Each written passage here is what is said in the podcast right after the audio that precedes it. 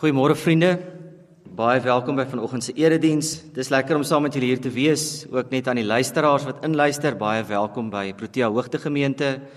As jy nie weet nie, dit is in Brackenfell geleë en ons is baie bevoorreg om as ons na die ooste kyk, die wingerde van Stellenbosch raak te sien en na die weste toe van die gemeente lê Tafelberg. Mense wat vir die eerste keer by ons gemeente kom kuier, vertel maklik na die tyd dat ons 'n gemeente is wat baie gasvry is. En daarom is dit vir ons lekker as die luisteraars vanoggend saam met ons luister. Dit is vir ons gemeente nogal belangrik dat mense van alle ouderdomme gemaklik is om by ons te kuier. Maar ons glo wel dat ons spesiaal geroep word om veral jong gesinne te bedien. En is dit nogal vir ons 'n fokus? En daarom is een van die projekte waaroor ons baie opgewonde is, ons kinderteaterproduksie wat gewoonlik met Pinkstertyd gebeur. En dit is 'n tyd wanneer ons 'n Bybelverhaal vat en dit voor kinders se oë lewendig maak met akteurs op die verhoog wat gewoonlik van ouer mense tot kinders insluit. En dit is vir ons lekker om te sien hoe hulle oë blink as die storie van die Bybel ook vir hulle 'n realiteit word. Kersfees is om die draai en daarom gaan ons vanoggend 'n bietjie gesels oor Jesus se geboorte. En ons gaan ook veral fokus op die feit dat Jesus as God se lig na die wêreld toe gekom het en gaan ons veral fokus op Johannes 8 vers 12. Vriende, as 'n eerste toetrede in hierdie erediens in, lees ek vir ons 'n profesie in Jesaja 9. Die volk wat in donkerte geleef het, het 'n groot lig gesien. Oor die wat in die donker land was, het 'n lig geskyn. Vir ons is 'n seun gebore, aan ons is 'n seun gegee. Hy sal heers en hy sal genoem word Wonderbare Raadsman, magtige God, ewige Vader, vredevors. Sy heerskappy sal uitbrei en hy sal vir altyd vrede en voorspoed bring. Ek nooi julle nou vriende as 'n toetrede lied sing ons kom alle getroues. Dis lied 345.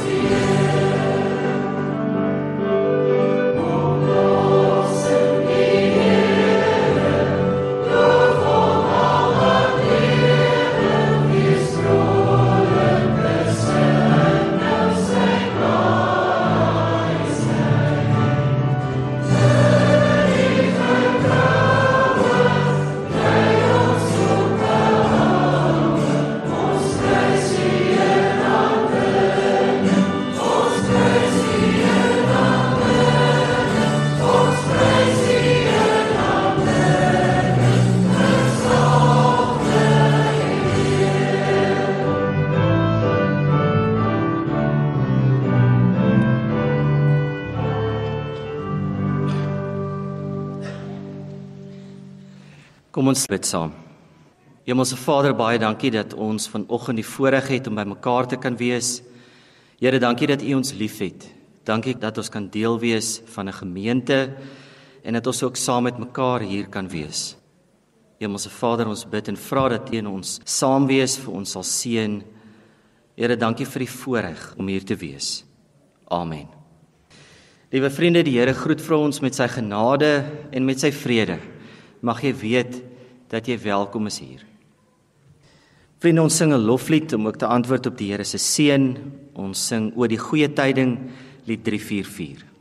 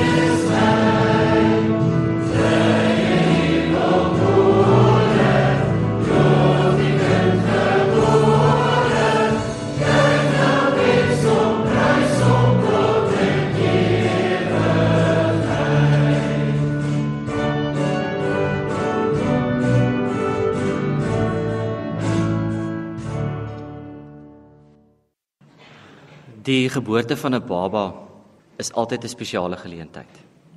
En met Kersfees vier ons juis die fees oor die geboorte van 'n baie spesifieke baba. Die geboorte van hierdie baba het die koers van die wêreld drasties verander.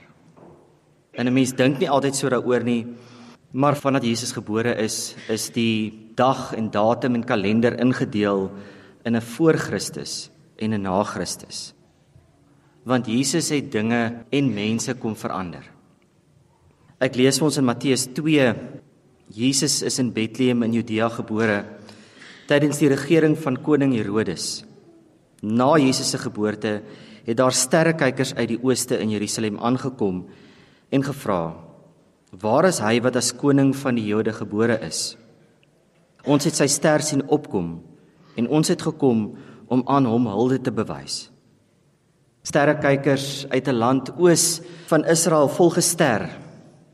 En die rede hoekom hulle hierdie ster volg is omdat hulle besef daar's iets anders aan hierdie helder ster wat skyn. Hierdie ster lei hulle na die plek waar Jesus gebore word. Die feit dat dinge so gebeur, gee vir ons 'n leidraad oor die feit dat God besig is met iets baie spesiaal. En dit waarmee God besig is is so spesiaal. Hy wil nie hê dit moet 'n geheim wees nie. En daarom is hierdie verse so belangrik want die sterrekykers was nie in die eerste plek noodwendig gelowiges nie. Hulle was wetenskaplikes gewees. Mense wat die planete en die sterre op 'n spesifieke manier dopgehou het. En die sterre het vir hulle 'n storie vertel van iets wat aan die gebeur was.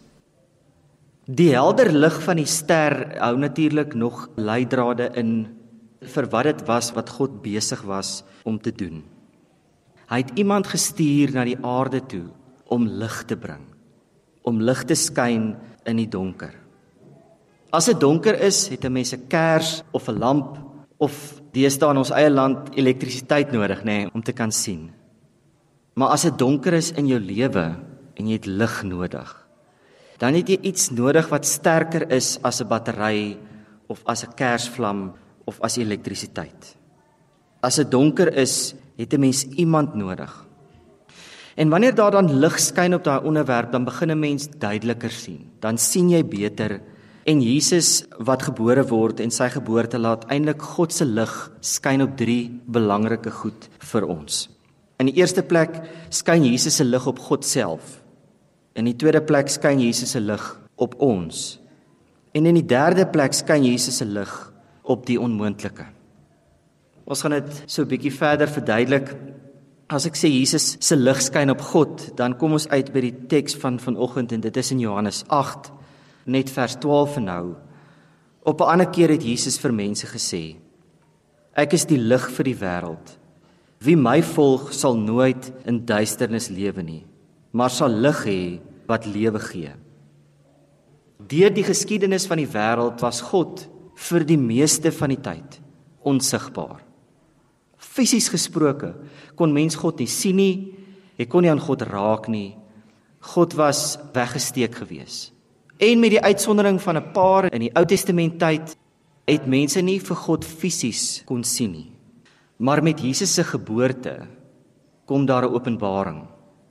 God wil iets nuuts oor homself aan mense bekend maak. God wil homself sigbaar maak sodat enige iemand hom kan sien. En Jesus kom dan om vir ons te wys hoe God lyk. Jesus kom maak 'n onsigbare God sigbaar. Jesus is God se lig wat helder skyn, sodat ons God kan sien, maar dat ons ook iets van God kan weet. Dit is eintlik verstommend om te dink dat God, die skepper van die hemel en die aarde, al hierdie moeite doen om 'n tree nader aan mense te gee, om homself te kom wys vir mense. Hy doen dit omdat hy naby aan ons wil wees. En Jesus kom aarde toe sodat ons vir God mooier kan sien, sodat ons vir God duidelik kan beleef. Ek wil met julle 'n ware verhaal deel van Henry Carter wat gewerk het in 'n kinderhuis. En in die kinderhuis was daar baie kinders wat regtig emosioneel verwaarloos was. Hy vertel van een spesifieke ou Kersaand wat hy nooit sal vergeet nie toe een van die huismoeders vir hom kom sê dat Tommy onder sy bed wegkruip en weier om uit te kom. Hy het by Tommy se bed gaan staan en hom vertel van die liggies op die kersboom en van die geskenke onder die boom en dat alles gereed is en wag dat Tommy onder sy bed uitklim. Maar daar was geen antwoord nie. Henry het toe op sy knieë geval by die bed en die duwy opgelig sodat hy vir Tommy kon sien. En toe hy vir Tommy sien, besef hy dat hy nou die opsie het om hom net onder die bed uit te trek want al was Tommy 8 jaar oud, het hy omtrent die bou van 'n 5-jarige gehad. Maar hy het besef dat die laaste ding wat hierdie seun nou nodig het is om hardhandig behandel te word. Tommy het nodig gehad om te voel dat hy vertrou word en dat hy sy eie keuses kan maak. En daarom het hy onder die bed ingeloer en vir Tommy vertel van die heerlike Kersete wat wag, tot in mondwaterende detail. Maar daar was algehele stilte en eintlik geen reaksie van Tommy se kant af nie. Sy laaste hoop was toe nou maar om onder die bed in te kruip. Hy het onder die bed ingekruip en langs Tommy gaan lê en hy het weer gepraat oor die kersse wat hulle gaan aansteek en die kersliedere wat hulle gaan sing. En hy bly toe maar net stil daar onder die bed langs Tommy. In die volgende oomblik voel hy hoe Tommy se hand in sy hand inglip. Hy sê toe weet jy Tommy dit is 'n bietjie beknop hier onder die bed. So kom ons kom hier onder die bed uit en dan gaan sit ons op jou bed en dan gesels ons verder. Henry sê oor hierdie verhaal dat hy in daai oomblikke iets van die geheim van Kersfees beleef het. Dat Jesus God is wat self onder ons bed kom inkruip. Hy het 'n mens geword sodat ons ons hand in syne kan plaas. Hy het gekom om by ons te bly en eintlik vir altyd by ons te wees. As 'n mens terugkyk na die Nuwe Testament, dan sien 'n mens Jesus se lig het die helderste geskyn wanneer hy siek mense gesond gemaak het, honger mense kos gegee het, of wanneer hy moeite gedoen het om tyd te spandeer by mense. Gewoonlik juis die mense wat die res van die samelewing nie geag het nie, mense met wie die res van die samelewing niks te doen wou hê nie. Jesus se lig skyn die helderste wanneer hy God se liefde uitleef en God se genade bewys. As ons wonder waar God is of hoe hy lyk, dan kan ons net na Jesus kyk. Hy is God by ons. Hy het ons baie lief. Vriende, Jesus se lig skyn ook op mense en ek lees vir ons in Matteus 5. Jesus is aan die woord en dan sê hy: "Julle is die lig vir die wêreld. Laat julle lig so voor die mense skyn dat hulle julle goeie werke kan sien en julle Vader wat in die hemel is verheerlik." Vriende, Jesus gebruik van die vroegste tye af mense om sy lig in die wêreld te bring. En ons het gesê ons wil vanoggend fokus op die feit dat Jesus gebore is en Jesus is gebore soos elke ander mens op aarde en vir dit om te gebeur het Jesus ten minste 'n ma nodig gehad. Jesus se lig skyn op die feit dat God mense gebruik.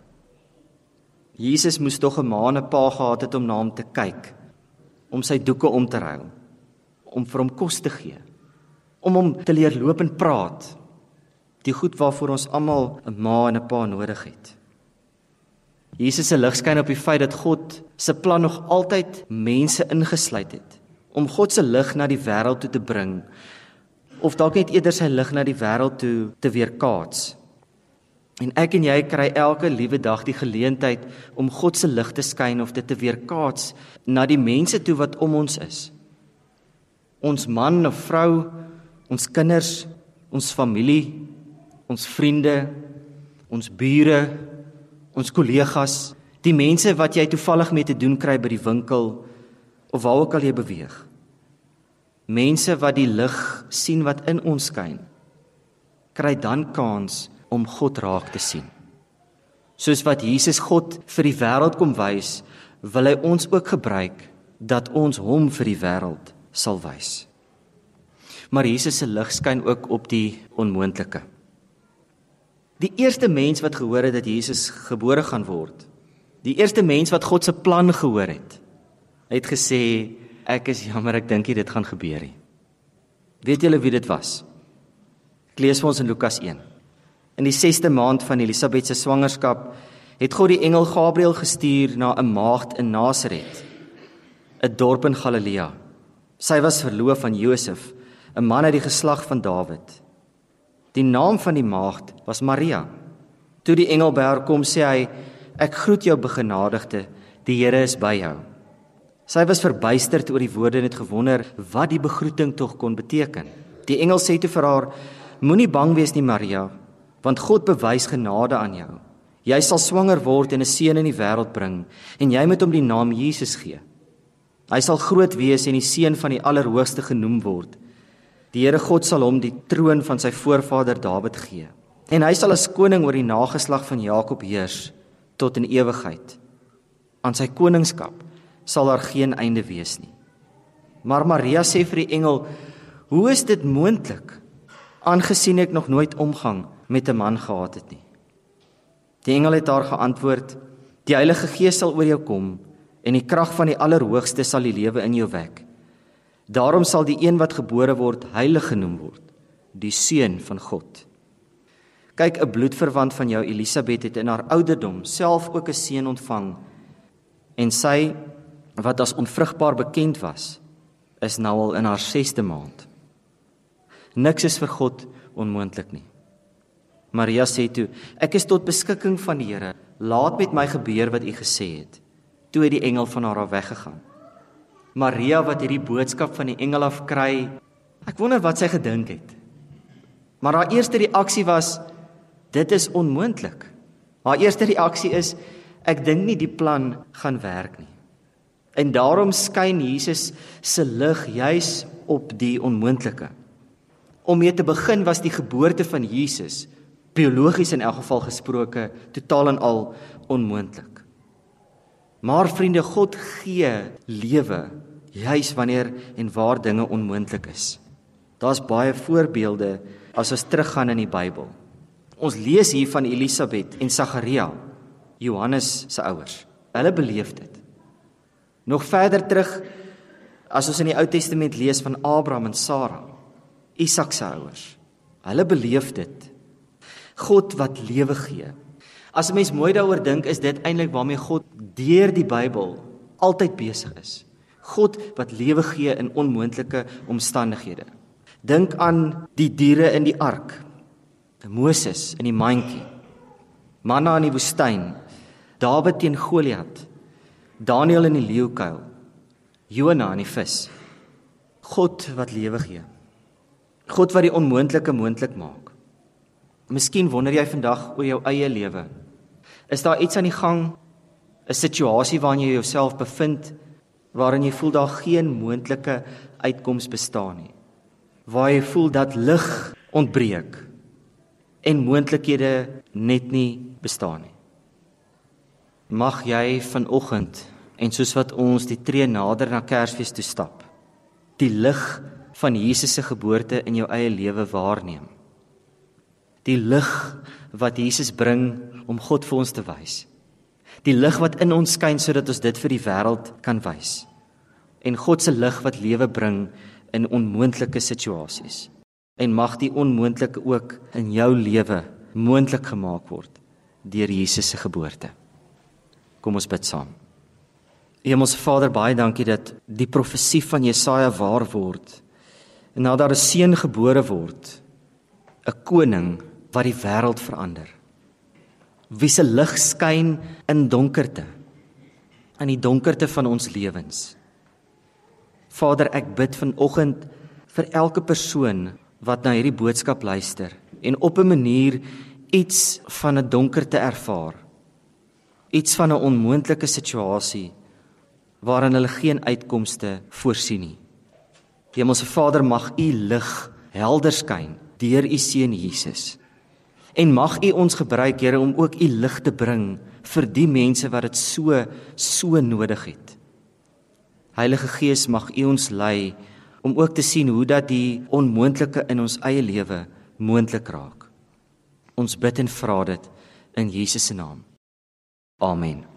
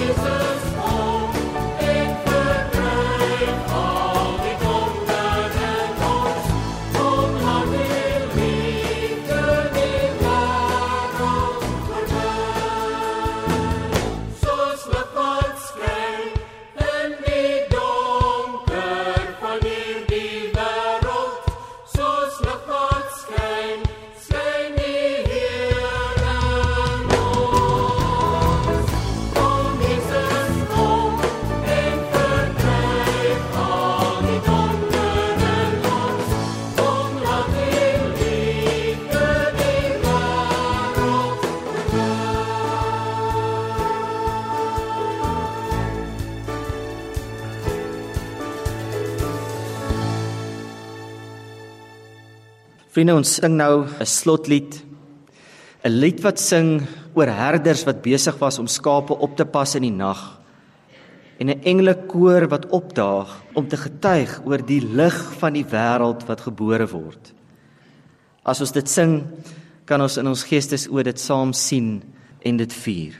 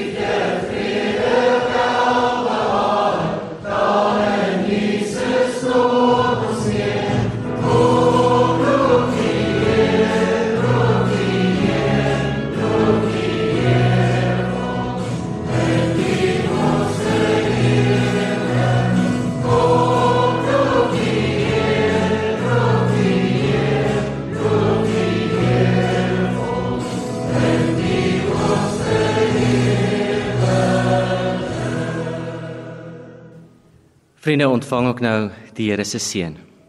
Mag die genade van God ons Vader, die liefde en die lig van Jesus Christus ons Here en die teenwoordigheid en die beskerming van die Heilige Gees met elkeen van ons wees en bly. Amen.